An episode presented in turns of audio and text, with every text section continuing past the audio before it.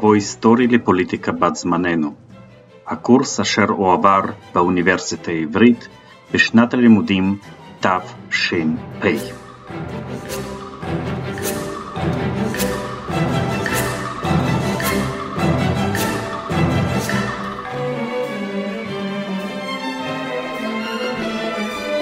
צהריים טובים. אז היום אני אסיים את טורקיה ואנחנו נעבור לנושא של סין.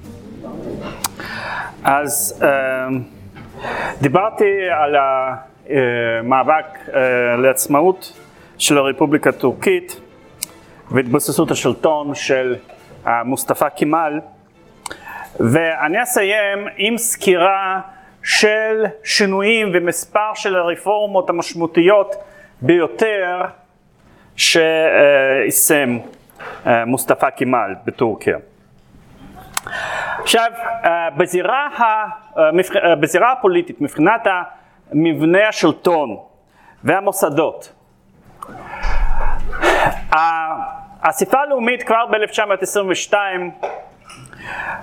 מבטלת את הסולטנות, כן? היא בעצם שמה קץ לקיסרות העות'מאנית, אם כי uh, לסולטן, לשליט של האימפריה העות'מאנית היה תפקיד uh, כפול, תפקיד של uh, שליט חילוני, סולטן, והתפקיד של מנהיג דתי של העולם המוסלמי, החליף. אז uh, בינתיים ההחלטה היא שנשאר תפקיד של חליף, אחת מאנשי השושלת uh, של הסולטנים העות'מאנים הופך, הוא מוכרז כחליף, אבל הוא, uh, הוא דמות רוחנית, סוג של uh, uh, מנהיג דתי סמלי בלי סמכויות שלטוניות, אז מ-1922 אין סולטן בטורקיה, והתהליך הזה של רפובליקניזציה של המדינה מסתיים ב-29 באוקטובר 1923 כאשר uh, מוכרזת באופן uh, רשמי הרפובליקה של טורקיה. ומוסטפא כמאל נבחר כנשיאה של הרפובליקה ובאותו זמן אחרי כמה ימים גם מכריזים על אנקרה כעיר הבירה החדשה של המדינה החדשה. אם הבירה עד כה הייתה איסטנבול, בעבר קונסטנט, קונסטנטינופוליס, אה, עם כל המטענים ההיסטוריים והדתיים שלה, אז צומחת לה עיר בירה חדשה, פעם עיירה קטנה במרכז של החלק האסייתי של הטורקיה שקוראים לה אנטוליה, אה, אז עיר הזאת שהיה מרכז פעילות של מוסטפא כמאל, היא הופכת לבירה החדשה של טורקיה. והבסיס של השלטון הפוליטי של מוסטפא כמאל עם מפלגה חדשה, הוא מקים מפלגה משלו, אה, מפלגת העם הרפובליקנית, ג'הפה, והמפלגה הזאת היא קיימת uh, עד היום, היום היא מפלגת אופוזיציה ראשית בטורקיה.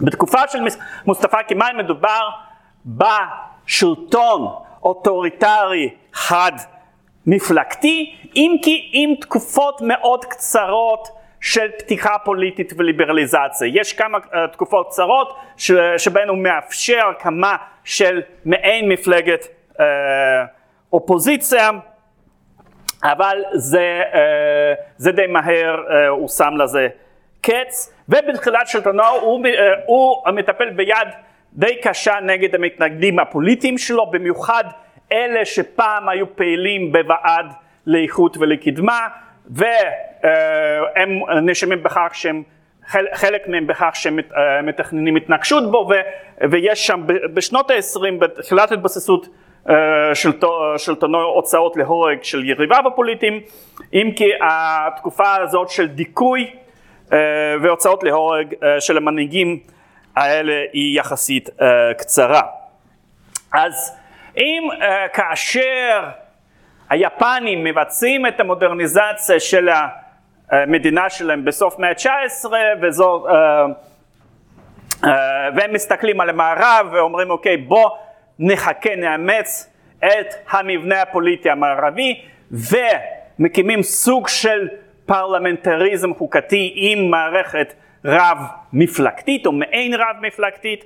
רוח הזמן בשנות ה-20 וה-30 הוא קצת, אה, קצת שונה וזו תקופה שבה צומחות בא, אה, באירופה משטרים דיקטטוריים חד מפלגתיים ובמובן הזה אה, מוסטפא כמאל צועד עם רוח הזמן אם כי זה אף פעם לא מגיע לכדי משטר טוטליטרי של ממש, אבל עדיין בתקופה הזאת מדובר במשטר האוטוריטרי חד מפלגתי. דברים יותר אולי מעניינים ויותר משמעותיים קורים בזירת, בזירה הדתית או בזירה של יחסי דת ומדינה. מוסטפא כמאל מאמין באירופאיזציה אה, תרבותית של טורקיה הוא, uh, הוא מאוד עוין, אם לא לדת באופן כללי, אם כי גם זה יש uh, אצלו בסופו של דבר, אבל בוודאי להשפעה של הדת ושל הממסד הדתי בפוליטיקה ובזירה הציבורית. ואחד הדברים הראשונים שהוא מבצע במאבק שלו נגד האסלאם הפוליטי הוא ביטול של התפקיד של החליף. אחרי שב-1922 הוא מבטל את התפקיד של הסולטן, משאיר לעת עתה את התפקיד של החליף, אבל די מהר הוא מנצל איזושהי תקרית מבחינתו, והתקרית היא שמוסלמים הודים פונים לממשל הטורקי ומבקשים ממנו לכבד את התפקיד של החליף שהוא המנהיג, שהוא המנהיג של העולם המוסלמי והוא אומר אה אם ככה זה התערבות בענייני מדינה זרה אנחנו בכלל נבטל את התפקיד של החליף. והחליפות מבוטלת בשלישי במרץ, במרץ 1924 ובו בזמן כל אנשי השושלת העות'מאנית מגורשים משטחי המדינה ונאסר להם אה, אה, להימצא בשטחי המדינה הטורקית וזה בעצם קץ לחליפות במאה העשרים. פעם הבאה שיהיה ניסיון להקים מחדש את החליפות או להכריז על מישהו כחליף של העולם המוסלמי זה בתקופה של דאעש, זאת אומרת זה ממש אה, אה, בימינו. 1925 אה, הוא מצווה על סגירה של מסדרים דתיים וב-1926 טורקיה מאמצת חוק אזרחי חדש שהוא מועתק בעצם מחוק אזרחי שוויצרי, כאילו לוקחים את החוק האזרחי השוויצרי כמודל ומאמצים אותה, אותו בטורקיה. אם באמצע המאה ה-19 כבר אימצו חוק מערבי, חוק צרפתי פלילי, אז עכשיו מוסיפים לכך חוק אזרחי ממדינת מערב, ויש לזה משמעויות רבות למבנה החברה ולחוק בתוך טורקיה, במיוחד בכל הקשור לדיני אישות ולמקום של הדת בחיי החברה. למשל, זה חוק שאוסר על פוליגמיה. למעשה פוליגמיה נמשכת באופן, uh, באופן בלתי פורמלי באותם אזורים של טורקיה שהם יותר מרוחקים או מהערים המרכזיות או מפסי רכבת, קווי רכבת המרכזיים, אז יש שם ניסיון לעקוף את החוק הזה באמצעות כל מיני הסדרים בלתי פורמליים, אבל ככל שזה יותר קרוב למרכז, ככל שזה יותר בשליטה של השלטון המרכזי, כך החוק הזה נאכף יותר. ושוב זה דבר מאוד משמעותי במדינה המוסלמית, החוק הזה בעצם הופך המרת דת מאסלאם לדת אחרת לדבר חוקי, כאילו מותר לעשות את זה.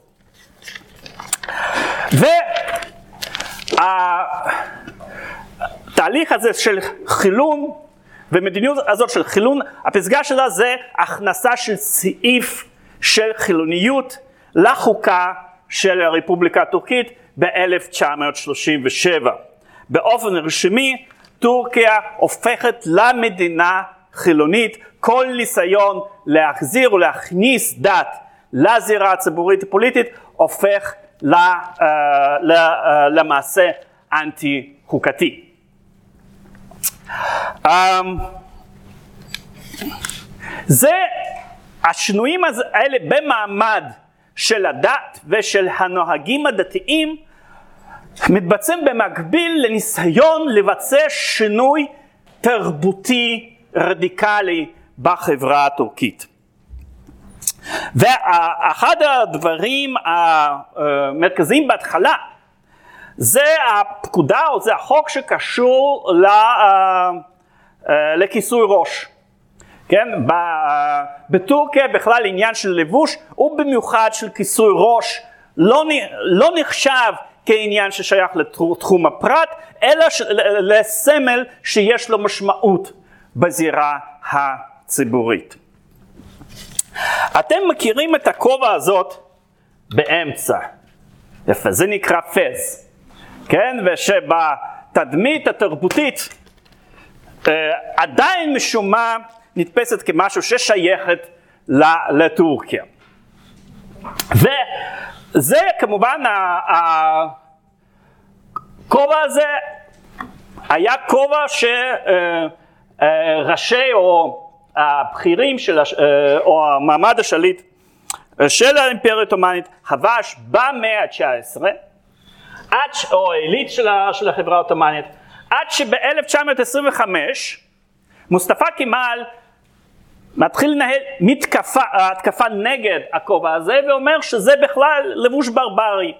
אנחנו צריכים להתלבש כאירופאים והוא מחוקק חוק שאסור לחבוש את כובע הפז. מאז 1925 אין קשר בין פז למדינה הטורקית. האירוניה שבדבר היא שפז זה לא איזשהו כובע טורקי מסורתי של מאות שנים, זה כובע שנכפה על הצבא, הצבא העות'מאני בשנות ה-20 של המאה ה-19 במקביל לפירוק של הינצ'רים מתוך שאיפה למודרניזציה. והוא היה אמור להחליף את מה שיש לכם כאן למעלה, טורבן המסורתי, שהדגיש יותר מדי אי שוויוניות של המבנה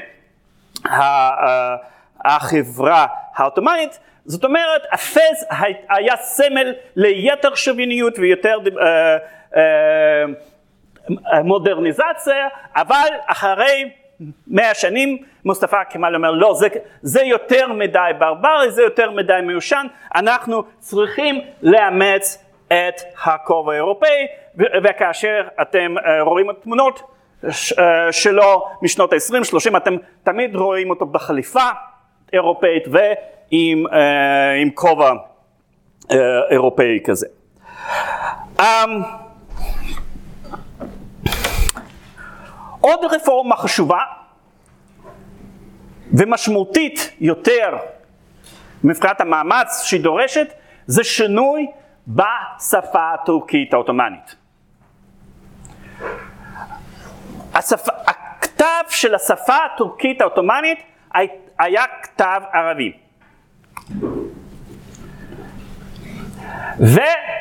ומחליפים אותו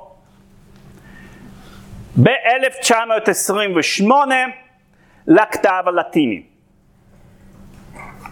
דוקב, זו הייתה תקופה שבהרבה מקומות עשו ניסויים למעבר לכתבים האירופאים.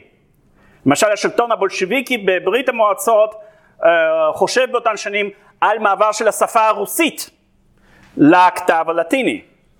ועוד לפני טורקיה השלטון הסובייטי אה, נותן את האלף בית הלטיני לשפות הטורקיות באסיה התיכונה. אם כי לאחר כמה שנים אחרי שהם אה,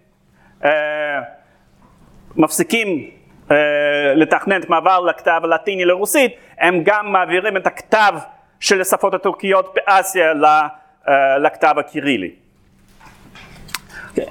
אה, גם לגבי עברית היו רעיונות להעביר את ה... של לטיניזציה של השפה העברית, אה, אבל הרעיונות האלה לא אומצו. בטורקיה זה אומץ, אבל זה לא רק היה עניין של הכתב, זה, בעצם ההכנסה של הכתב החדש, שבמובן מסוים הוא נתפס כיותר נגיש, כמשהו שמאפשר יותר להפיץ את קרוא וכתוב בקרב האוכלוסייה, היה בזה איזשהו מסר של ניתוק מהמורשת התרבותית העות'מאנית הקודמת.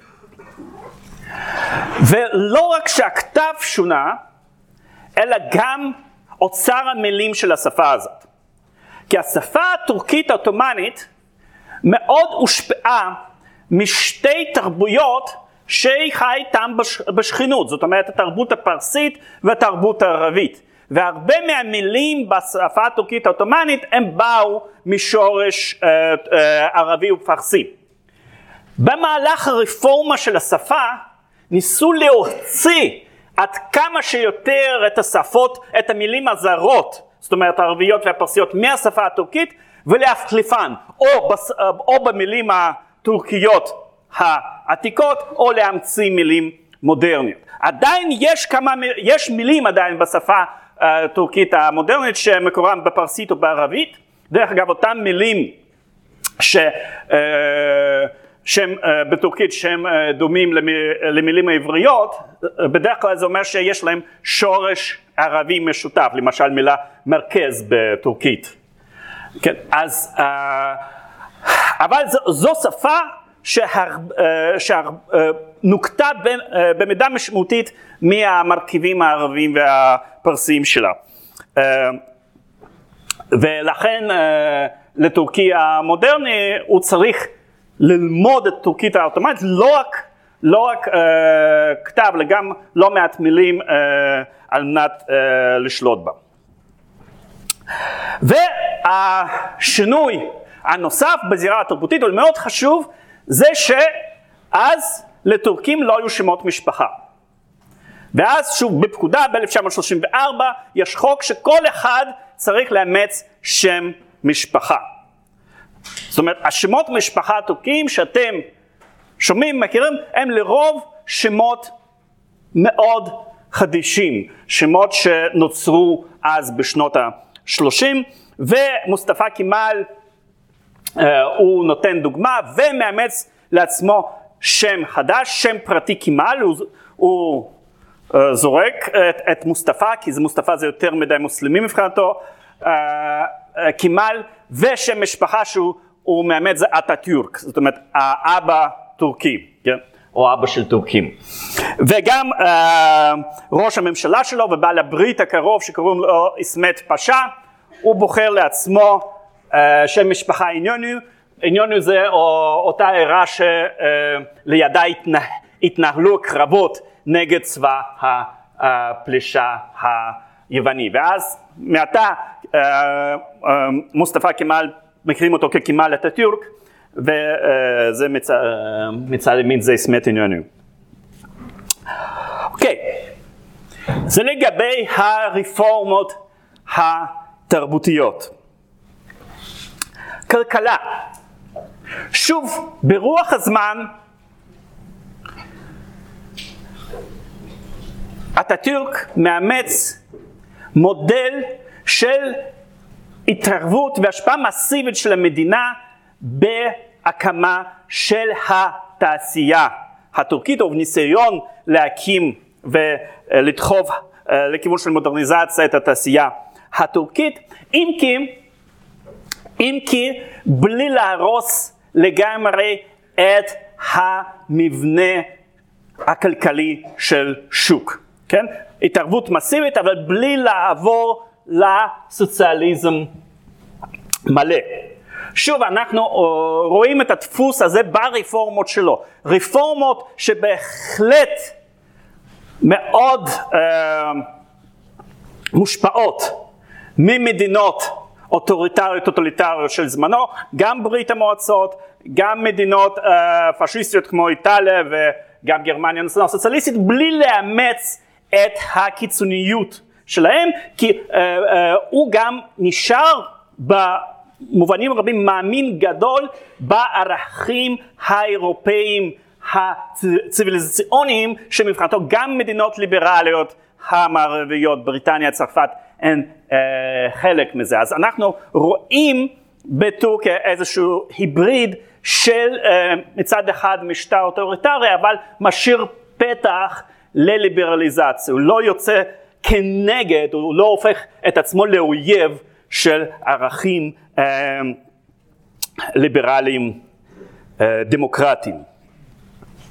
דרך אגב, גם, אה, גם מבחינת האדריכלות של אותן שנים, אתם אה, יכולים לראות גם את ההשפעות של האדריכלות הסובייטית חדשה וגם ההשפעות, ההשפעות למשל האדריכלות הפשיסטית אה, באיטליה. אוקיי, אטאטורק מת ב-1938, אבל המורשת שלו נמשכת, מי שמחליף אותו בתפקיד הנשיא, זה מי שהיה ראש ממשלה שלו, איסמת איננו. עד כאן השאלות?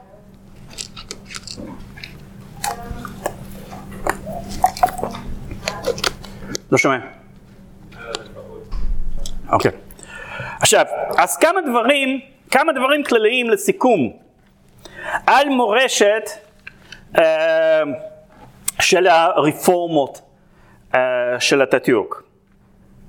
מדובר בסדרה של רפורמות מאוד רדיקליות שנגעו לא רק למבנה פוליטי, למבנה משטר, אלא לכל רבדי החברה הטורקית, ושבעצם יצרו את מה שאנחנו מכירים כטורקיה המודרנית במאה העשרים. הדגש ברפורמות האלה היה על uh, כינון של טורקיה כמדינה חילונית.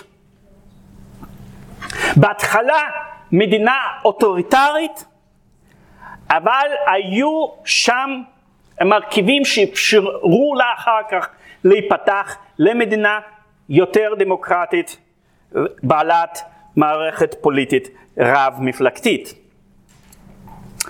אבל uh, באותה מדינה חילונית ואחר כך רב מפלגתית, ניתן מקום ספציפי לצבא, כאשר, אני דיברתי על זה בשיעור הקודם, אטאטורק בעצם נטל מהצבא את התפקיד של כוח שבעצם אמון על התפשטות הרעיון העות'מאני או הרעיון המוסלמי, והוא בעצם נותן לו תפקיד פנימי בחברה הטורקית, זה כוח שאמון על uh, לשמור על עקרונות החוקה של טורקיה כרפובליקה חילונית. Uh, כמובן שכל uh, uh, עוד uh, אטאטורק היה חי ואחר כך סמט איננו uh, שהיה גם בעבר גנרל צבאי התפקיד, כאילו הצבא היה די כפוף להם ושיחק אולי פחות תפקיד עצמאי אה, בחיים הפוליטיים בטורקיה. בהמשך הצבא צובר יותר ויותר תפקיד פוליטי ושלטוני עצמאי ואנחנו עוד uh, נדבר על כך באחד, ה, uh, באחד השיעורים הבאים.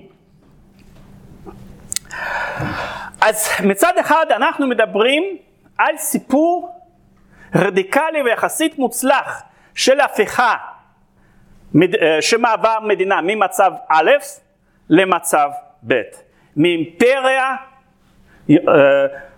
בעלת דפוסים מסורתיים, רב-לאומית, למדינה, למדינת לאום חילונית מודרנית. מצד שני, הרפורמות האלה נעשו בדרך כזאת, שעילית משכילה שהסתכלה על אירופה כדגם שלה, כפה, כפתה את השינויים החברתיים והתרבותיים האלה על אוכלוסייה שהייתה ברובה עוינת או ספקנית כלפי השינויים האלה. בהרבה מקרים השינויים האלה נעשו בכוח ובכפייה. והדבר הזה יצר סוג של פער תרבותי בחברה הטורקית. על הפער הזה ניסתה לכסות האידיאולוגיה הרשמית של לאום אחד מאוחד. הנאמנות לסמלים של רפובליקה, ללאום הטורקי, אה, לסמלים התרבותיים המרכזיים, לדגל ולדמות של אטאטורק עצמו, שהפך לאחת הדמויות המאחדות בתוך הלאומיות הטורקית. אבל מתחת לשטח התקיימה סוג של מלחמת אזרחים קרה בין הציבור היותר עשיר משכיל, בדרך כלל שהמוצא שלו היה מאזורים אירופאיים של האימפריה העות'מאנית.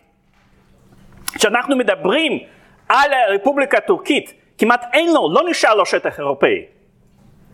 אבל כל. כמעט כל המנהיגים של המודרניזציה הטורקית צמחו בתוך השטח האירופאי של האימפריה העות'מאנית והיה להם הרבה יותר ממשק עם החברות אה, אה, האירופאיות האחרות והאוכלוסייה הלא מוסלמית באזורים האלה, כולל אטאטורק עצמו, השנייה, שהוא, שהוא, שהוא נולד אה, בסלוניקי,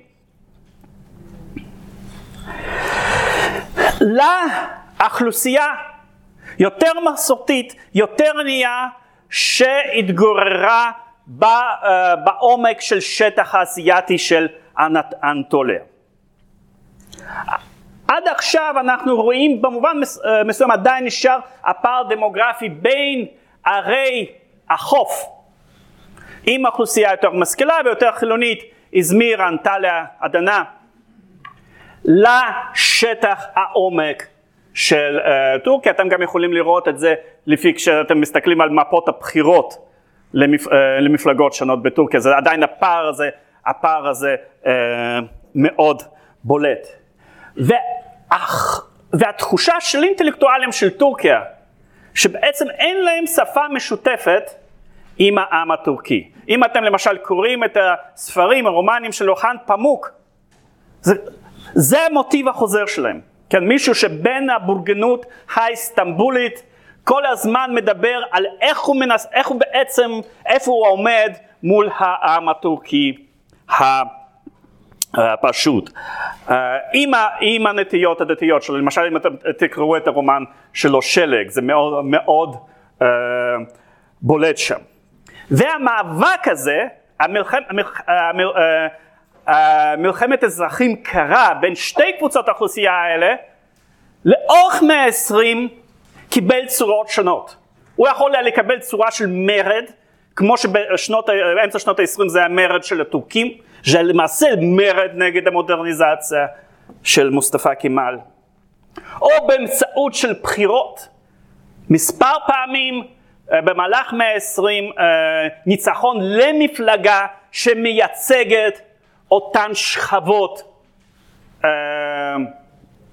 של, אה, של הציבור שהן מרגישות עצמן מנוכרות מהעילית הישנה של הרפובליקה הטורקית וגם אה, באמצעים קונספיר, קונספירטיביים, קשירות קשר שונות.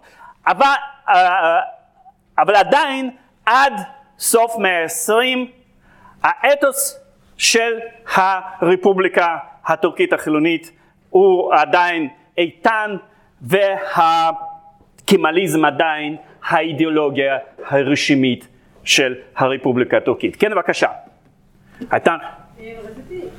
כן, בבקשה, כן. רציתי לשאול אבל די ענית על זה, אה, לאיזה מדינות אתה מתכוון שאתה אומר אה, שהם הגיעו מאזורים יותר אירופאיים של האימפריה העות'מאנית, חוץ מנגיד? כן. זה חלקים שעכשיו הם חלק מיוון, בולגריה, אמ, אה, חלקים של סרביה, אתם זוכרים את המלחמות של בלקן 1911? כשהיה שטח מאוד משמעותי בבלקנים ב-1911 בשליטה של האימפריה העות'מאנית ואז הייתה מתקפה משולבת של ארבע מדינות בלקן ואז הם למעשה אה, כבשו את רוב השטחים האירופאיים של, ה, של האימפריה העות'מאנית. עכשיו, אה, ואני חייב עכשיו לענות לשאלה שלך, נכון? שיעור קודם. כן. הנושא הוא אותו נושא, אז מבחינתי זה יש המשכיות. ואתה, ואתה שאלת שאלה, שאלה חשובה, ושאלת מדוע, מדוע אני אמרתי שככל שהמדינה יותר הטרוגנית כך הרבה יותר קשה לה לבצע תהליך של מודרניזציה. והתשובה כמובן מורכבת וכמובן לא שלמה, אני אתן לך כמה הגיגים. אז מודרניזציה זה לא, זה לא משחק ילדים, זה תהליך מאוד קשה וכואב, והוא uh, מלווה בסבל, במחירים מאוד קשים.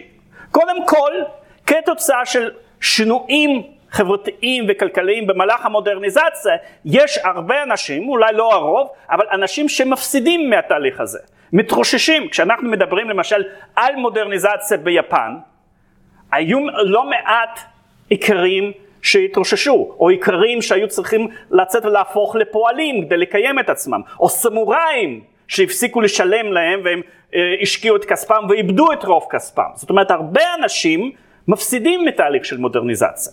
בנוסף להפסד מטריאלי, יש גם הפסד אה, במובן אה, נפשי, שוק תרבותי, שינוי של דפוסי חיים. זאת אומרת, מודרניזציה זה, אה, זו תקופה לא קלה לחלקים המשמעותיים אה, של אוכלוסייה של המדינה שעוברת את התהליך אה, של מודרניזציה. ועל מנת שניתן לרתום את הציבור, את האנשים, במפעל הזה של שינוי חברתי, שינוי כלכלי, שינוי תרבותי, צריכה אה, להיות לכך משמעות. והמשמעות היא בדרך כלל בכך שאני כבן אדם שאולי אני אישית מפסיד או אני מתקשה להשלים עם הרבה היבטים של מודרניזציה, אבל בסופו של דבר אני משתתף במשהו שתורם לטוב הכללי, לאומה באופן כללי. עכשיו, הרבה יותר קל להטמיע בנשים את התחושה הזאת כאשר הם מרגישים שייכות לאומה. במובן הזה ביפן, בגלל התחושה של אה, שותפות תרבותית, אז נכון, היו אנשים שהלכו ועבדו בתעשייה היפנית וקיבלו משכורות הרבה יותר נמוכות מאשר פועלים במדינות האירופאיות, יכלו אה, לחשוב שהם חלק מהמאמץ הלאומי היפני. ככל שהאוכלוסייה היא יותר הטרוגנית מבחינה תרבותית, לשונית, דתית, כך יש פחות ופחות סיכוי שאנשים יחושו שותפות גורל זה עם זה ויראו בתהליך של מודרניזציה משהו שהם שותפים לו. ובאימפריה העות'מאנית לא הייתה קיימת תחושה של שותפות גורל אה, לאומית שכזאת. הזהות העות'מאנית הלאומית לא, הייתה, לא היה לה על מה להתבסס. בנוסף לכך יש יש עוד אה, היבט אחד. בדרך כלל כשאנחנו מדברים על uh, מרקם uh, את, uh, אתני תרבותי הטרוגני, בדרך כלל קבוצות לאומיות, אתניות, דתיות שונות, נמצאות בש, uh, בשלב, בשלבים מאוד שונים של התפתחות uh, כלכלית וחברתית. והתהליך של מודרניזציה הוא מעצים את הסכסוכים הכלכליים החברתיים והמתחים הכלכליים החברתיים ואז, אבל כאשר אלה קשורים לשייכות אתנית או דתית מסוימת, זה הרבה פעמים מתקשר ומתרגם לסכסוכים בין אתניים ובין דתיים, בין קהילתיים. ולמתח אתני-לאומי יש פוטנציאל רגשי הרבה יותר, או עוצמה רגשית הרבה יותר גבוהה מאשר לסתם מאבקים uh, כלכליים מעמדיים. זאת אומרת, זה, uh, זה עלול להביא, שינוי מהיר כזה עלול להביא בחברה רב גרנית לפיצוץ אתני-לאומי. וזה שוב מקשה על, uh, על תהליך של מודרניזציה בחברה שהיא מאוד הטרוגנית. ודרך אגב זה מה שאנחנו רואים בהיסטוריה, כי שלוש האימפריות היבשתיות הגדולות בתחילת מאה העשרים הם התפרקו.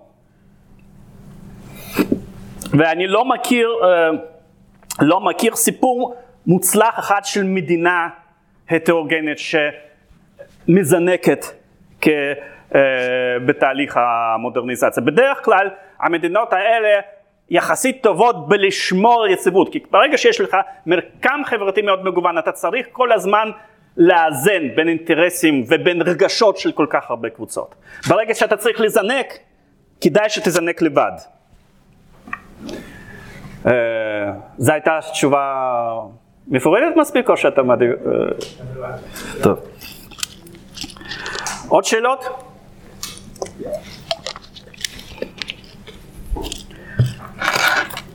אוקיי, אז אנחנו נעבור לנושא הבא שלנו.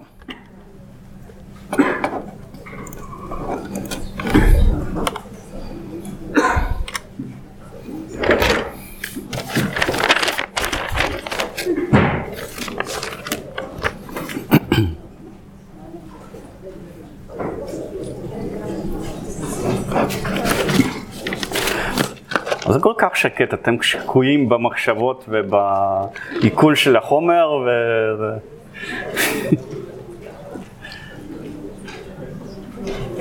או שזה בגלל החורף. ת, תרדמת החורף.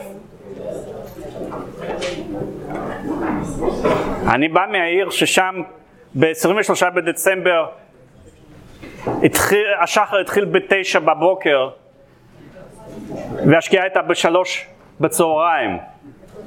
וזה הכיף, כאילו, כמו בהגדה. כן, אז... וזה מרדים.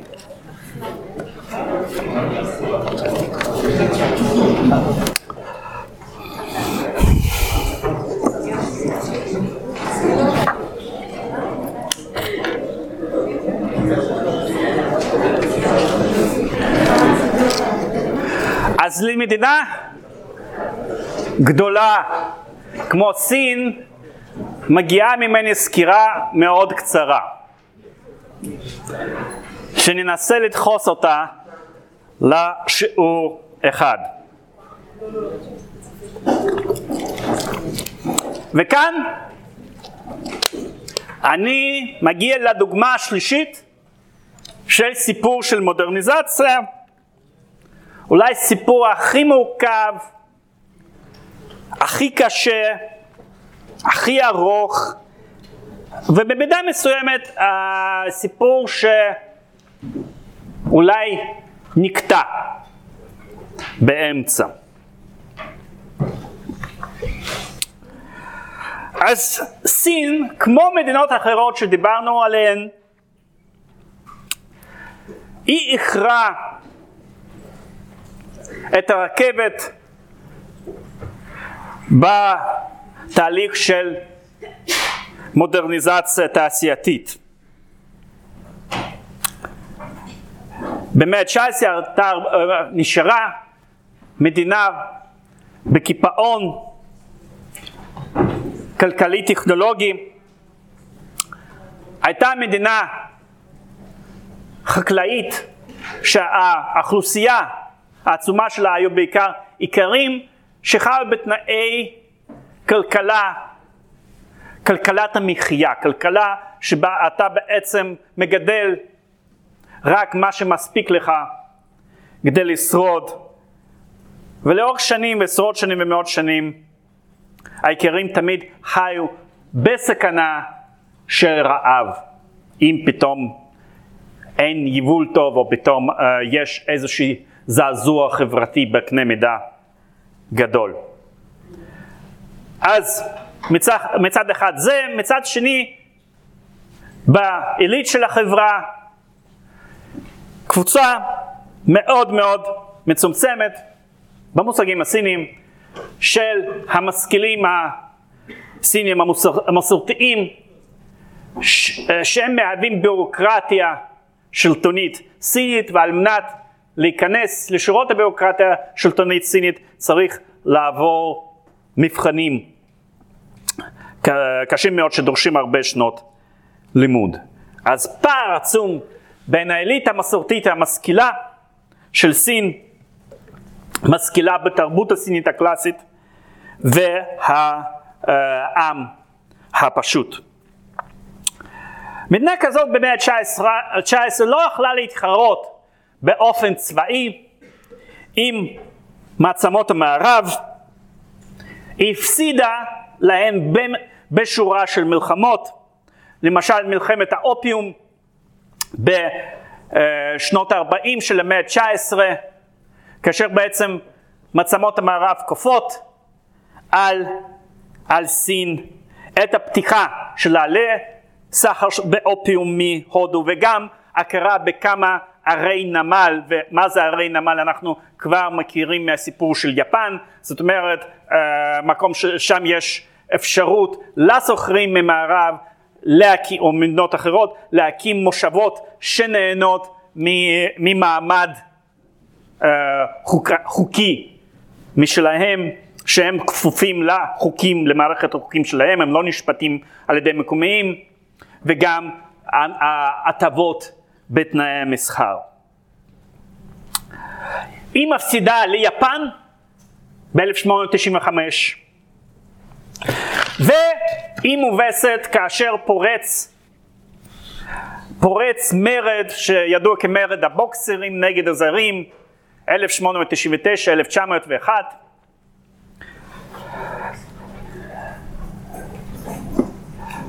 שלטון נאלץ לתמוך במרד הזה והוא מובס וכל המעצמות עכשיו כולל יפן חודרות יותר עמוק לתוך סין וכופות עליה תנאים די משפילים של תבוסה.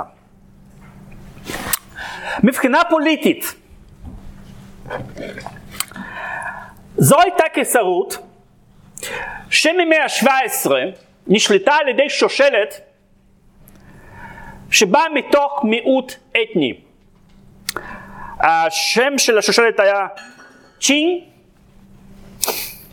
והמיעוט האתני זה אה, מיעוט אה, מנג'ו, זה עם ש, אה, שמקורו מצפון והאזור ש, שאליו הוא קשור אזור בצפון מזרח סין.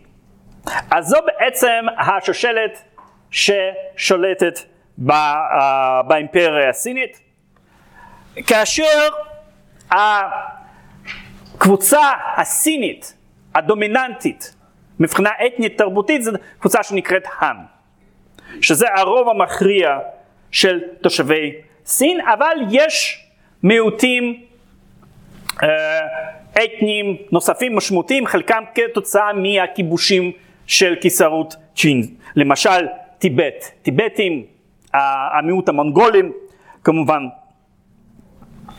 אז זה אה, אימפריה שמשתרעת על שטח עצום ושהשושלת אה, השלטת בה היא אה, זרה אתנית מבחינת הרוב המכריע של תושבי סין.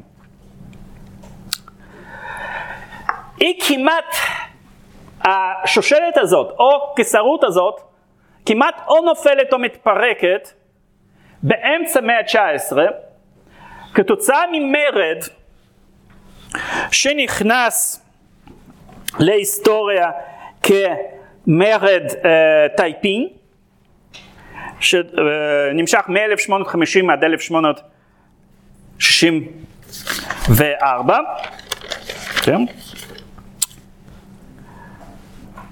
כאשר אה, מונהג על ידי מנהיג ש, אה, שדוגל בסוג מסוים מאוד אזוטרי סיני של הנוצרות, והוא מצליח להשתלט על חלקים משמעותיים מאוד של דרום מזרח סין.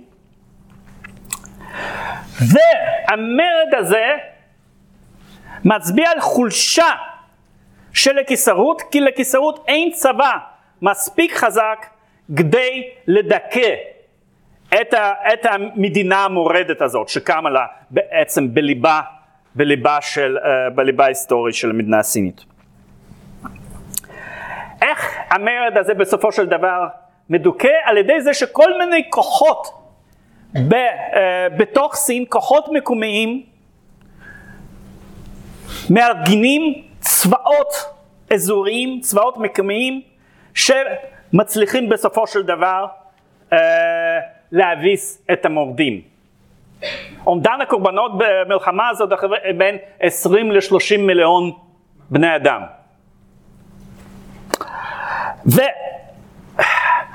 וכתוצאה מכך, אמנם המרד הובס, אבל התוצאה של המרד הזה, מכיוון שהכוחות שהביסו את המרד לא היה כוח, לא היה שלטון המרכזי, אלא בעצם יוזמות של שליטים באז, או של אליטות באזורים שונים של סין, בעצם זה מגביר התהליך של דצנטרליזציה של השלטון באימפריה הסינית. יותר כוח פוליטי, ניהולי, לאליטות המקומיות. אוקיי, אז זה מצב לקראת תחילת המאה העשרים. ובתחילת המאה העשרים, שוב, סין מפסידה ליפן, מפסידה לקואליציה של מדינות מערב. אמ, נכפים עליה חוזים שנקראים חוזים בלתי שוויוניים מבחינת הסינים, חוזים שפותחים את ערי החוף של סין למסחר המערבי. ויש כבר מדינה אסיאתית אחת לצד יפן שהיא כבר ביצעה תהליך די מוצלח של מודרניזציה והיא מצד אחד רואה את עצמה כזאת שנותנת דוגמה לסין, מצד שני היא גם מהווה איום על סין.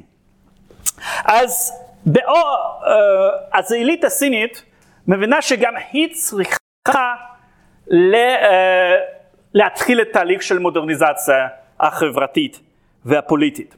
ואנחנו יכולים, אמנם רפובליקה של סין באופן הרשימי מוקמת ב-1912, אבל תהליך של מודרניזציה פחות או יותר אפשר אה, לתחום אותו בין 1901, ממש מהשנה שבה אה, סין מובסת במרד הבוקסרים עד 1949.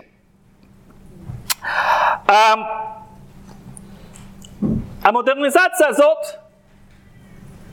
כוללת ניסיונות, בק... אה, ניסיונות צעדים שבוצעו במדינות כמו יפן, אם כי כמובן אה, בהרבה פחות אה, נחרצות. למשל, ניסיון להכניס קצת סדר בניהול של המדינה, במיסוי, הקמה של משרדי ממשלה מודרניים או מהסוג המודרני, שינוי במערכת החינוך, ביטול, ביטול של התנאי לבחינות על מנת להיכנס לשירות, אה, לשירות הציבורי. היה צריך לעבור בחינות בידע הסיני הקלאסי, בחברה המודרנית זה לא רלוונטי, אך העילית המודרנית, השלטון המודרני זקוקים לכישורים אחרים, אז uh, מבטלים את הצורך במערכת הבחינות הזאת, uh, שזה כמובן מבטל את הצורך באליטה המנדרינית הסינית מהסוג הישן.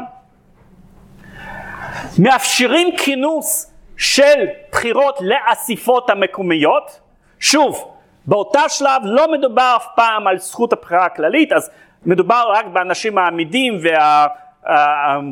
והעילית של אה, כל כפר ועיר שמצביעים, אבל בכל זאת איזשהו, איזשהו אה, מרכיב של שלטון עצמי, וגם, אה, וגם אה, כינוס של האספה הלאומית שנבחרת על בסיס של זכות בחירה מאוד מוגבלת. אלא שכל הרפורמות האלה הם מאוחר מדי ומעט מדי על מנת להציל את הקיסרות הסינית. במהלך כ-40 שנה במאה ה-19 ועד 1908 האישה החזקה בסין הייתה הקיסרית האלמנה שקראו לה צ'ישי, זה מצד שמאל. אה, והיא לא ששה לרפורמות, אבל היא בעצם הסכימה לרפורמות האלה ב-1901, כי לא הייתה לה ברירה. אבל היא כבר הייתה אישה מבוגרת מאוד, ואם הייתה ממשיכה לחיות אולי, כי, אה, כי היא שלטה ביד רמה, יכול להיות שאולי היה סיכוי לקיסרות להינצל, אבל ב-1908 היא נפטרה. ויום לפני שהיא נפטרה, נפטר קיסר של סין. היא לא שלטה, הוא לא שלט, היא שלטה למעשה, אבל הוא בן אדם בן 39 ואז היו שמועות שבעצם היא נתנה פקודה להרעיל אותו כי היא ידעה שהיא הולכת למות והיא לא רצתה שהוא בעצם יהפוך להיות שליט בפועל ומי שמקבל, מי שהופך לקיסר זה ילד בן שנתיים שקוראים לו פיו ברור שבמצב דברים כאלה כאשר אה, יש קיסר שהוא תינוק אז אה, בכל זעזוע ראשון האימפריה תיפול. זה בכלל סיפור חייו אה, של אותו ילד הוא סיפור די אה, עצוב הייתי אומר. אז אה, הוא נאלץ להתפטר ב-1912, אם כי ממשיך לקבל את הגינונים של קיסר. כאשר יפנים כובשים את מנג'וריה ב-1931-32 ותזכרו שזה, שזה שושלת של מנג'ו, אז הם הופכים אותו לקיסר, לשליט של אותה מדינת, uh, מדינת uh, בובה שהם uh, מקימים. Uh, וכאן בתמונה אתם יכולים לראות אותו במדים, במדים של הצבא היפני, כשהוא, רק שנייה, כשהוא שליט של, ה, uh, של אותה מדינה. אחרי תבוסה של יפן במלחמה, הוא נופל בשבי הסובייטי.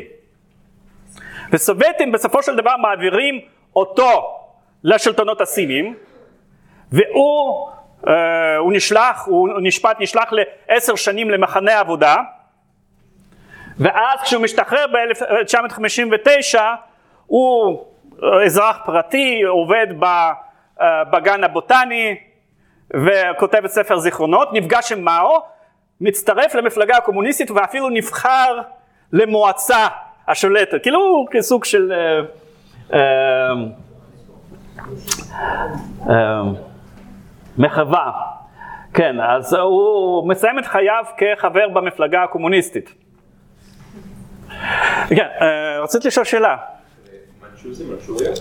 מנצ'וריה זה, כן, זה השם, מנצ'וריה בא בעצם, זה, זה שם איך שזרים, לא, לא הסינים קראו לשטח הזה שהוא כאילו אה, היה קשור לבני העם מנצ'ו. היפנים קראו למדינה שהם אה, הקימו מנצ'וקו. אוקיי.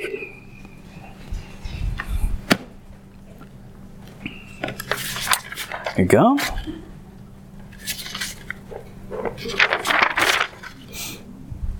אז בקיצור, כן, בבקשה. כן. אבל רשום שהוא נולד ב-1907. כן. זה למה אני אמרתי שהוא תינוק. אמ, אז, אבל בן אדם בגיל כזה הוא לא כל כך uh, לא טוב בלהשתלט ולשלוט ביד רמה על העניינים. ו... Uh, באוקטובר 1911 בדרום של סין מתחיל מרד נגד השלטון, מרד שיש לו גם היבטים לאומיים, לאומניים, זאת אומרת, זה לא רק מרד בעד יותר דמוקרטיה, אלא גם מרד נגד השושלת הזרה. מקימים בדרום של סין שלטון מהפכני זמני, ובראשון בינואר 1912 מכריזים על הקמה של רפובליקה של סין שבראשה הנשיא שלה הוא המהפכן כבר פעיל מהפכני ותיק בשם סון יצן כאן בצד הימין. אמ, אבל למורדים אין כוח עדיין להפיל את השלטון הקיסרי בעיר הבירה בייג'ין, אז הם מנהלים את משא ומתן עם, איש, עם המפקד צבאי החשוב ביותר בצפון סין, אמ, שקוראים לו יואן שיקאי, זה בצד שמאל למעלה, ומבטיחים לו שימנו אותו לנשיא אם הוא יגרום לפיטורי הקיסר. וזה מה שהוא עושה. ב-12 לפברואר 1912 יש הסכם עם, אה, עם השושלת, עם משפחת הקיסר, שהקיסר מתפטר, משאירים לקיסר את הגינונים, את הארמון שלו, אבל הוא כבר לא שלט, ואז סון יצן מתפטר מתפקיד שלו כנשיא הרפובליקה, נשיא הראשון של הרפובליקה הסינית, ומעביר את השרביט, מעביר את הנשיאות לאיש הזה, ליואן שיקאי.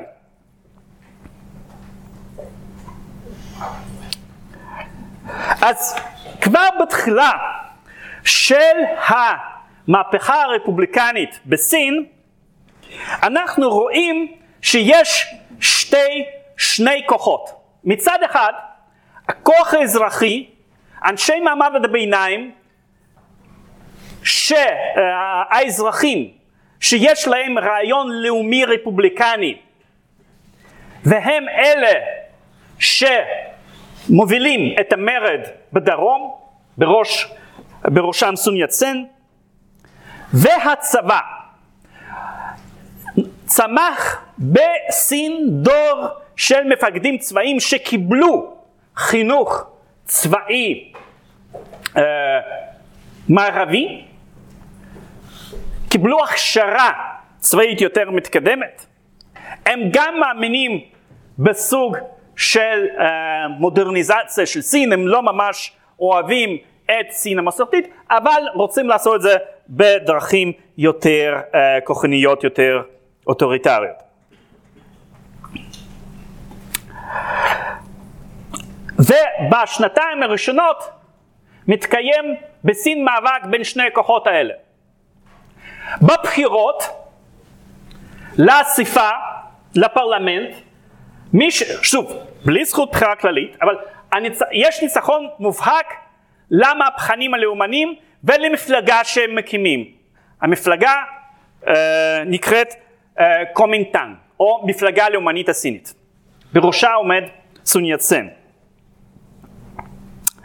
אה, אחרי שקומינטן מנצח בבחירות האלה, בפקודת יואן שיקאי נרצח, כנראה שבפקודתו כמעט בטוח, אה, המנהיג הפרלמנטרי של המפלגה.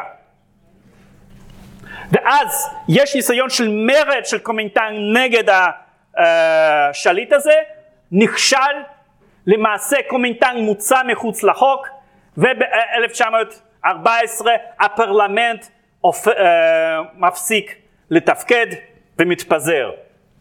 מכיוון אה, רוב, הצעירים בו הם אנשי אותה מפלגה שהוצאה מחוץ לחוק ומדוכאת על ידי יוהאן שיקאי. יוהאן שיקאי הופך לדיקטטור הצבאי של הרפובליקה הסינית וזומם להפוך לקיסר החדש של סין, להקים שושלת, אה, משהו לא מצליח גם מכיוון שב-1916 הוא מת.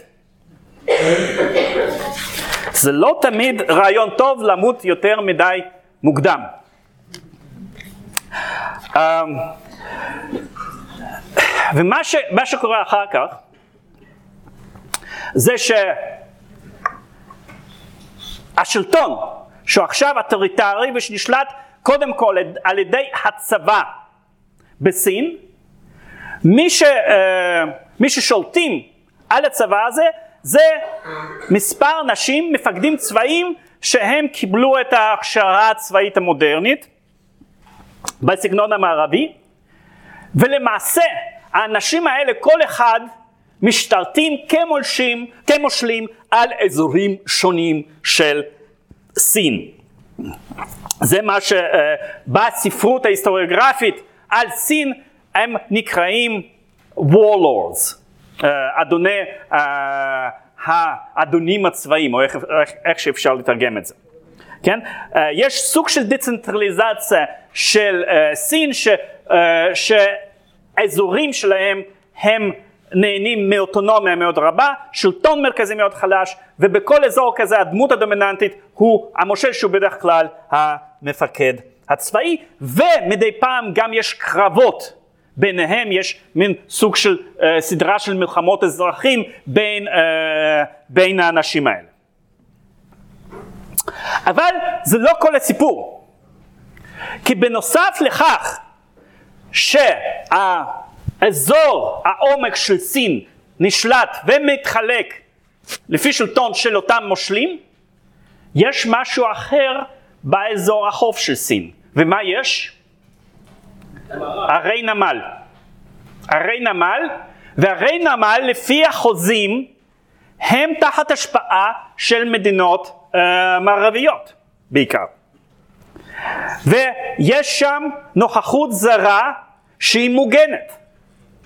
וכתוצאה מכך גם יש אוטונומיה מאוד משמעותית לאוכלוסייה העירונית באותה, הסינית באותה, uh, באותן ערים. וזו, וזו אוכלוסייה, זו כמות מאוד משמעותית של, אה, של אוכלוסייה. ובמובן מסוים המעמד של ערי נמל מגן על האוכלוסייה של אותן ערים מפני ההשתלטות של, אה, של אותם מפקדים צבאיים ששולטים אה, באזורים אחרים.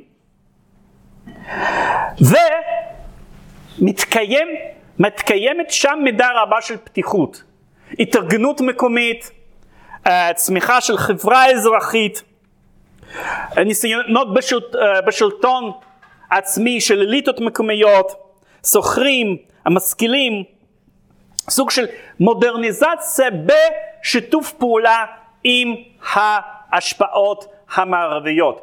יש הרבה מיסיונרים שמקימים uh, בתי ספר uh, ומכללות uh, בתוך שטח סין, uh, השפעה מאוד רבה של מיסיונרים אמריקאים, בכלל יש אז בארצות הברית תופעה של סינופיליה, אהבת סין, יש הרבה uh, אמריקאים שנרתמים לתהליך הזה של מודרניזציה של החינוך והתרבות הסינית, אם כי בעיקר באזורים האלה ואם כי זה נוגע לאוכלוסייה לאוכלוסייה של מעמד הביניים, שבמספרים זה די גבוה, אבל באופן יחסי מכיוון שהאוכלוסייה של סין עצומה, 400 מיליון בני אדם, אז זה, אה, זה טיפה בתוך ים. כן, בבקשה.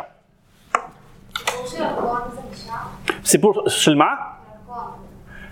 אה, סיפור של הונג קונג כמובן הוא קשור לזה, הונג קונג עוד או נכבש לבריטים בתקופה של מלחמת אופיום בשנות ה-40 של המאה אה, ה-19. אבל אנחנו גם מדברים על ערים שהם שטח ריבוני של סין, כמו שנגחאי קודם כל. שנגחאי כאן היא אולי העיר החשובה. Um,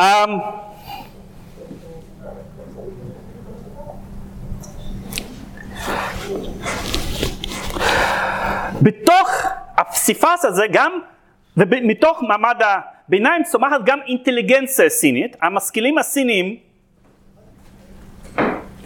שמצד אחד רוצים להיפטר מהמורשת uh, של הערכים המסורתיים, האימפריאליים, הקונפוציאניים של סין, ומצד שני גם מאמץ תפיסות אה, אה, אנטי אימפריאליסטיות, תפיסות לאומיות, ושהן מתנגדות לנוכחות של הזרים והשפעתם בתוך סין. האנשים האלה יוצאים למשל נגד ערכי המשפחה המסורתיים, נגד הערכים של קונפורמיזם שהמוסר הקונפוציאני אה, מקדם ודוגלים בתפיסות יותר אינדיבידואליסטיות ויותר uh, מערביות. אבל יחד עם זה עם הרבה מאוד uh, מטען של התנגדות של uh, השתלטות של מדינות המערב על סין. Uh, אחת התופעות המשמעותיות בהקשר הזה של צמיחת האינטליגנציה הפרוג... uh, המתקדמת הזאת היא מה שנקרא התנועת הארבעה במאי. Uh, תנועת הארבעה במאי זה תהליך תרבותי חברתי שקשור להפגנות שהתקיימו בארבעה במאי 1919 בעיר הבירה בייג'ין על ידי סטודנטים. על רקע של משא ומתן על הסכמי ורסאי.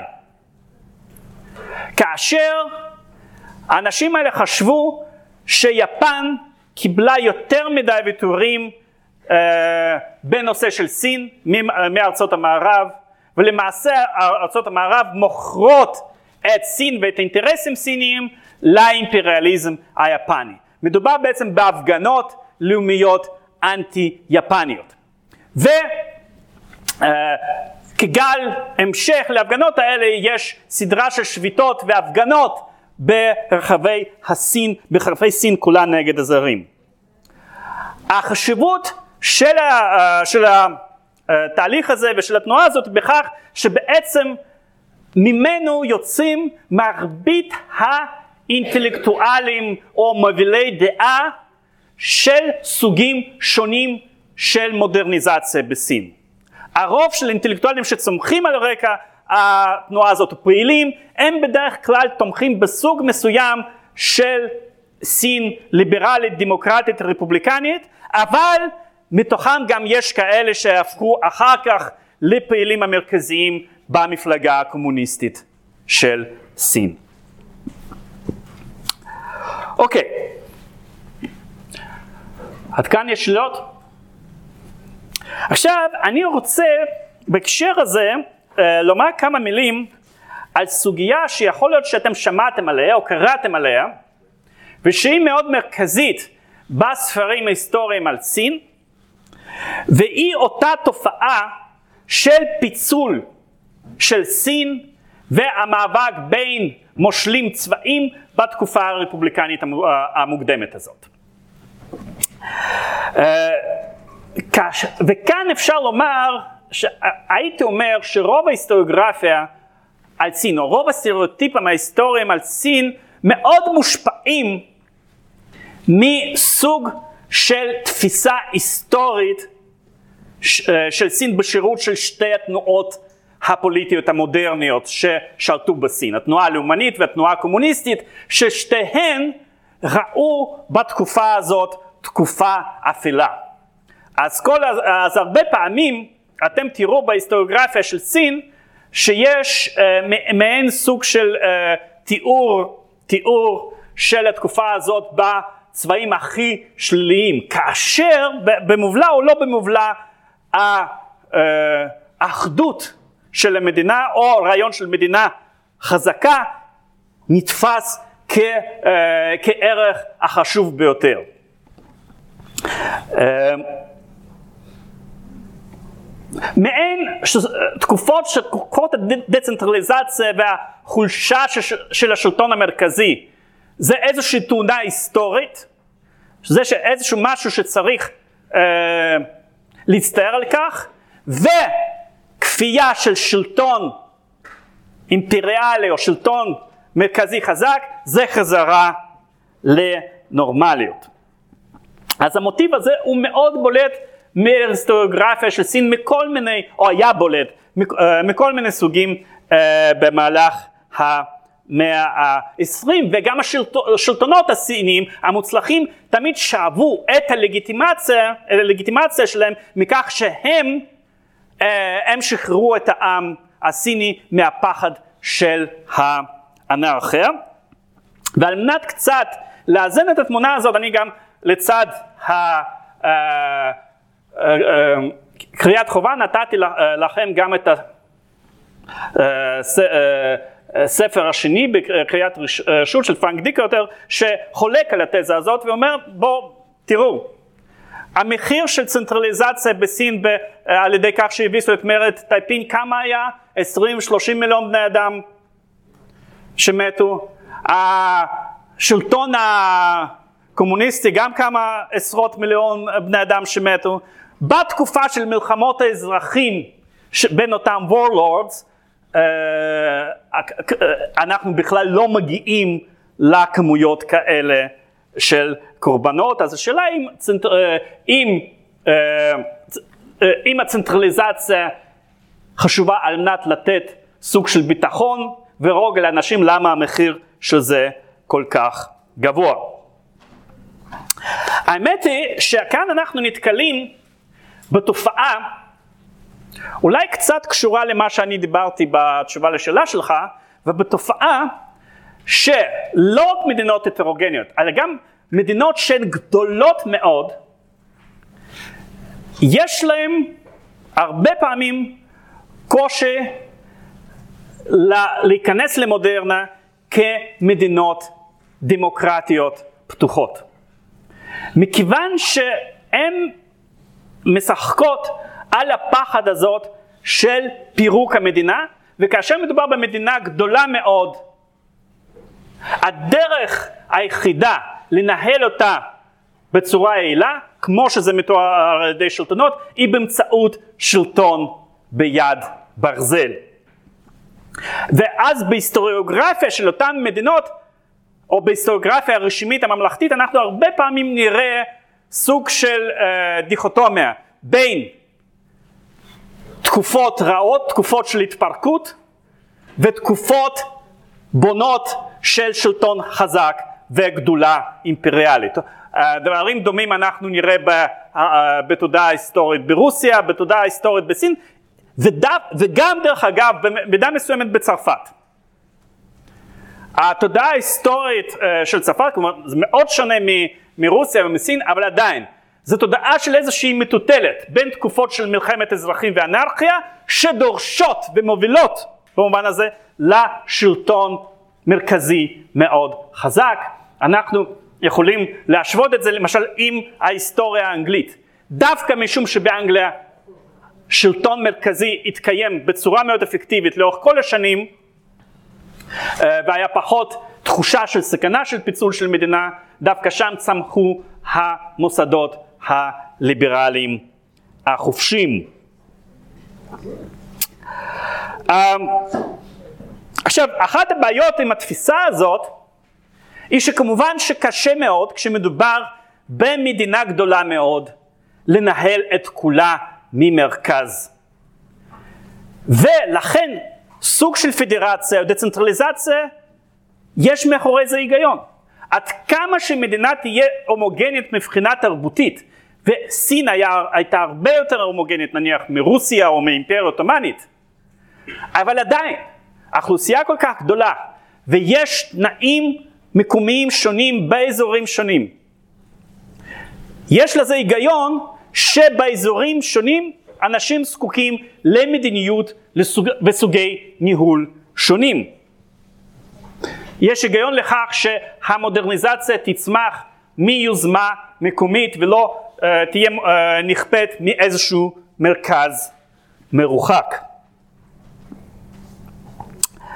ואפשר לומר שסרט האימים של אה, דצנטרליזציה בסין שמספרים אותו לגבי שנות ה-20 בסין, הוא, יותר, הוא מוגזם יותר ממה שקרה שם באמת. מדינה סינית לא התפרקה, התקיימה, היא התקיימה כמדינה אחת, וחלק מהמושלים האזוריים האלה, לא כולם, היו, היו להם תוכניות מודרניזציה די uh, מעניינות. כמובן שהיו אנשים מסוגים שונים, היו אנשים שבחלק מהאזורים היו אנשים שעניין אותם רק עניין של כוח, בחלק מאזורים אחרים היו אנשים שהתעניינו יותר בטוב הציבורי ורצו לקדם רפורמות לכיוון של מודרניזציה, אבל זה תמיד קורה כאשר יש שלטון מבוזר. באזורים מסו...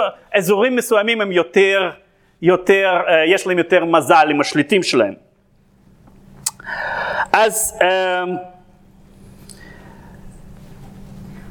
אי אפשר לומר, אי אפשר לומר שאם המצב הזה היה נמשך, סין הייתה מתקר, uh, מתפרקת. דווקא אפשר בהחלט לדמיין שהייתה נוצרת איזושהי אישות פידרלית, לפחות בגבולות האתניים של חאן, אף אחד לא אמר שסין צריכה להיות גדלה בגבולות האימפריאליים uh, ולשלוט במיעוטים אחרים. אבל זה, uh, זה לא מה שקרה בסופו של דבר, כי בסין קמו שתי תנועות שכל אחת שמה לה למטרה להביא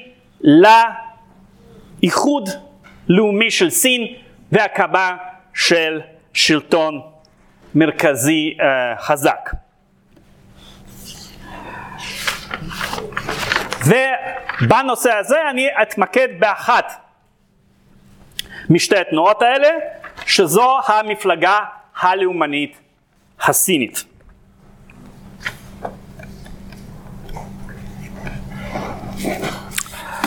קומנטן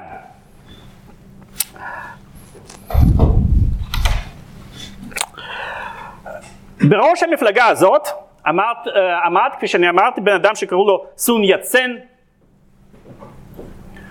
דוקטור סון יצן, כי הוא בהשכלה היה רופא, איכשהו מסוג כזה של כל, כל סוג כזה של מנהיגים עממיים אה, אנטי אימפריאליים בעולם השלישי, הרבה פעמים הם דוקטורים דווקא, מעניין. דוקטור סלבדור אליינדה יש. אה, אז הוא היה גם דוקטור סון יצן.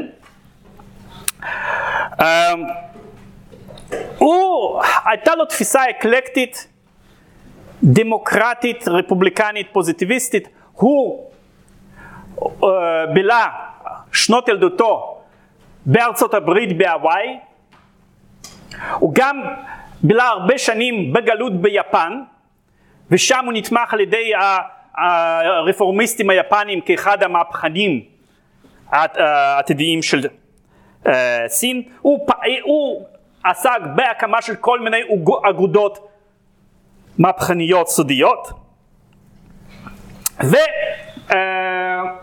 אה, שאמרתי בסוף 1911 הוא נחשב כמנהיג של רפובליקה הסינית. אבל מוותר על שלטונו, אחר כך קומינטן מובס על ידי הגנרלים, אה, סון יצן בורח ליפן, אחר כך בתקופה של פיצול הוא חוזר לסין, מנסה להקים את התנועה הלאומית שוב, מתבסס בדרום סין, מקים איזשהי ממשל באזור מסוים בדרום סין, ממשל צבאי שעומד בראשו, אבל הוא לא כל כך מצליח, הדברים לא הולכים כפי שהוא מקווה, והוא מקבל החלטה אסטרטגית משמעותית, הוא מחליט uh, לכרות ברית עם ברית המועצות הבולשיביקית.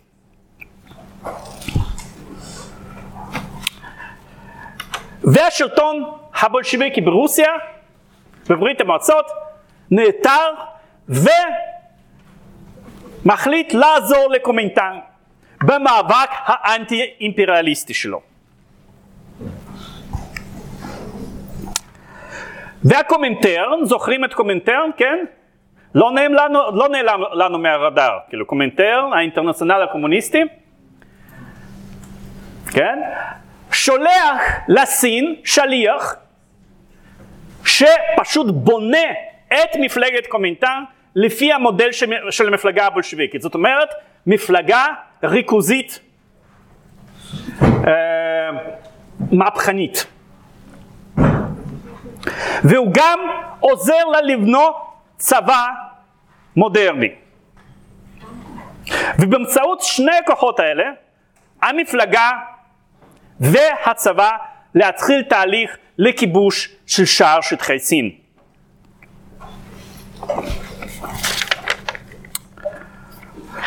אבל יש מחיר לברית הזאת. המחיר אה, הוא כזה, שיש מפלגה קומוניסטית בסין שהיא מאוד מאוד קטנה, יש שם מעט מאוד חברים, היא נשלטת לחלוטין על ידי הקומוניסטים הסובייטים ועל ידי הקומינטר, והם מקבלים רשות לי, אה, להצטרף גם כחברים למפלגת קומינטן. זאת אומרת, יש למעשה נוכחות קומוניסטית בתוך המפלגה הלאומנית הסינית. האסטרטגיה כאן היא ברורה. מבחינת, מבחינת הקומוניסטים הסובייטים בסין עדיין אין מעמד פועלים, אין בסיס חברתי לתנועה הקומוניסטית חזקה, ולכן צריך בינתיים לתמוך בתנועה האימפריאליסטית, אבל בתוך התנועה הזאת להכניס אליו מרכיבים קומוניסטיים שהם היו כמעין סוג של וירוס שם, שברגע הפקודה הם השתלטו על התנועה כולה, ויבצעו בהמשך את ההפיכה הקומוניסטית. זו אסטרטגיה כפולה שאחר כך ברית המועצות uh, תנסה לאמץ בכ... בלא מעט מדינות של העולם השלישי, כאשר מצד אחד הם תומכים באיזושהי תנועה, מה שהם קוראים תנועה לשחרור לאומי, או תנועה אנטי קולוניאלית, תנועה אנטי אימפריאליסטית, ומצד זה מפלגה קומוניסטית קטנה ממושמעת. גם למשל בטורקיה, תמכו במידה מסוימת באטאטורק, אבל הקימו מפלגה קומוניסטית בטורקיה, אבל אטאטורק דיכא אותה, הוציא אותה מחוץ לחוק, לא אפשר לה להתפתח. אז, אמ, אז קומוניסטים הם חלק מקומינטן. עכשיו, סון יצן מת ב-1925, ומי שמחליף אותו זה הבן אדם uh, בצד ימין כאן, uh, שקוראים לו צ'אנג קיישק, שהוא למעשה הגדירל, המנהיג הצבאי של קומינטן. Uh, והיה יד ימינו של סון יצן. Um, צ'אנג קיישק בהתחלה ממשיך את המדיניות של סון יצן וממשיך את הברית עם uh, ברית המועצות תוך שיתוף פעולה עם שליח של קומנטרן הוא מארגן מסע צבאי שבאנגלית מתורגמת כ-Northern Expedition אני חיפשתי אה, במקורות העבריים שאני ראיתי זה נקרא משלחת צפונית. אני לא חושב שמשלחת זה, אה, זה תרגום טוב. לא, עדיף לומר מערכה צפונית או מסע. אה, עכשיו, שנועדה או באמצעים של שכנוע או באמצעים של כיבוש לאחד תחת שלטון של קומינטן את מרבית שטח סין. זה, אה, זה מבצע שנמשך מ-1926 עד 1928. עכשיו, אבל בניגוד לסון יצן שבילה, אם הוא היה בחוץ לארץ, הוא בילה או ביפן או בארצות הברית והיה לו מושג מאוד מאוד עמום לגבי מי הם הקומוניסטים, צ'אנג קשק נסע דווקא לברית המועצות אה, בשליחות סין יצן ונפגש עם אה, המנהיגים הבולשיביקים והוא ידע אה, די טוב עם מי יש לו עסק והוא הבין מצוין את האסטרטגיה שלהם ואז הוא מחליט לעשות אה, להקדים אותם. ולמעשה באמצע של המסע לצפון הוא אה, בוגד ב, אה, באגף הקומוניסטי, באגף השמאלי של קומינטן. איך זה קורה? ב-1927 צבאות של קומינטן מגיעים לפאתי עיר שנגחאי ושם הפעילים הקומוניסטים והאיגודים המקצועיים אה, יוזמים מרד נגד, אה, נגד השלטון שם על מנת לעזור לצבא של קומינטנג שמגיע. וצ'אנג קשק פשוט כורת ברית עם אנשי העולם התחתון בשנגחאי והם טובחים בקומוניסטים. ואז הוא נכנס, אה, אה, כובש את שנגחאי וגם ממשיך לרדוף את הקומוניסטים. מאז הברית הזאת בין קומינטן לקומוניסטים מסתיימת וצ'אנג קשק מתחיל לדכא אותם. הוא מכריז על עיר ננקין כבירה חדשה של סין. יש לזה גם משמעות סמלית. אמנם ב-1928 אה, הוא גם כובש את בייג'ין, אבל בייג'ין, שזה נמצא בצפון של סין, זה עיר הבירה של שושלת מנצ'ו. וקומינטן זה תנועה לאומנית סינית, זאת אומרת תנועה לאומנית של האן. והמרכז, המרכז, אה, אה, הליבה של, של האן, של סיניות, זה בדרום.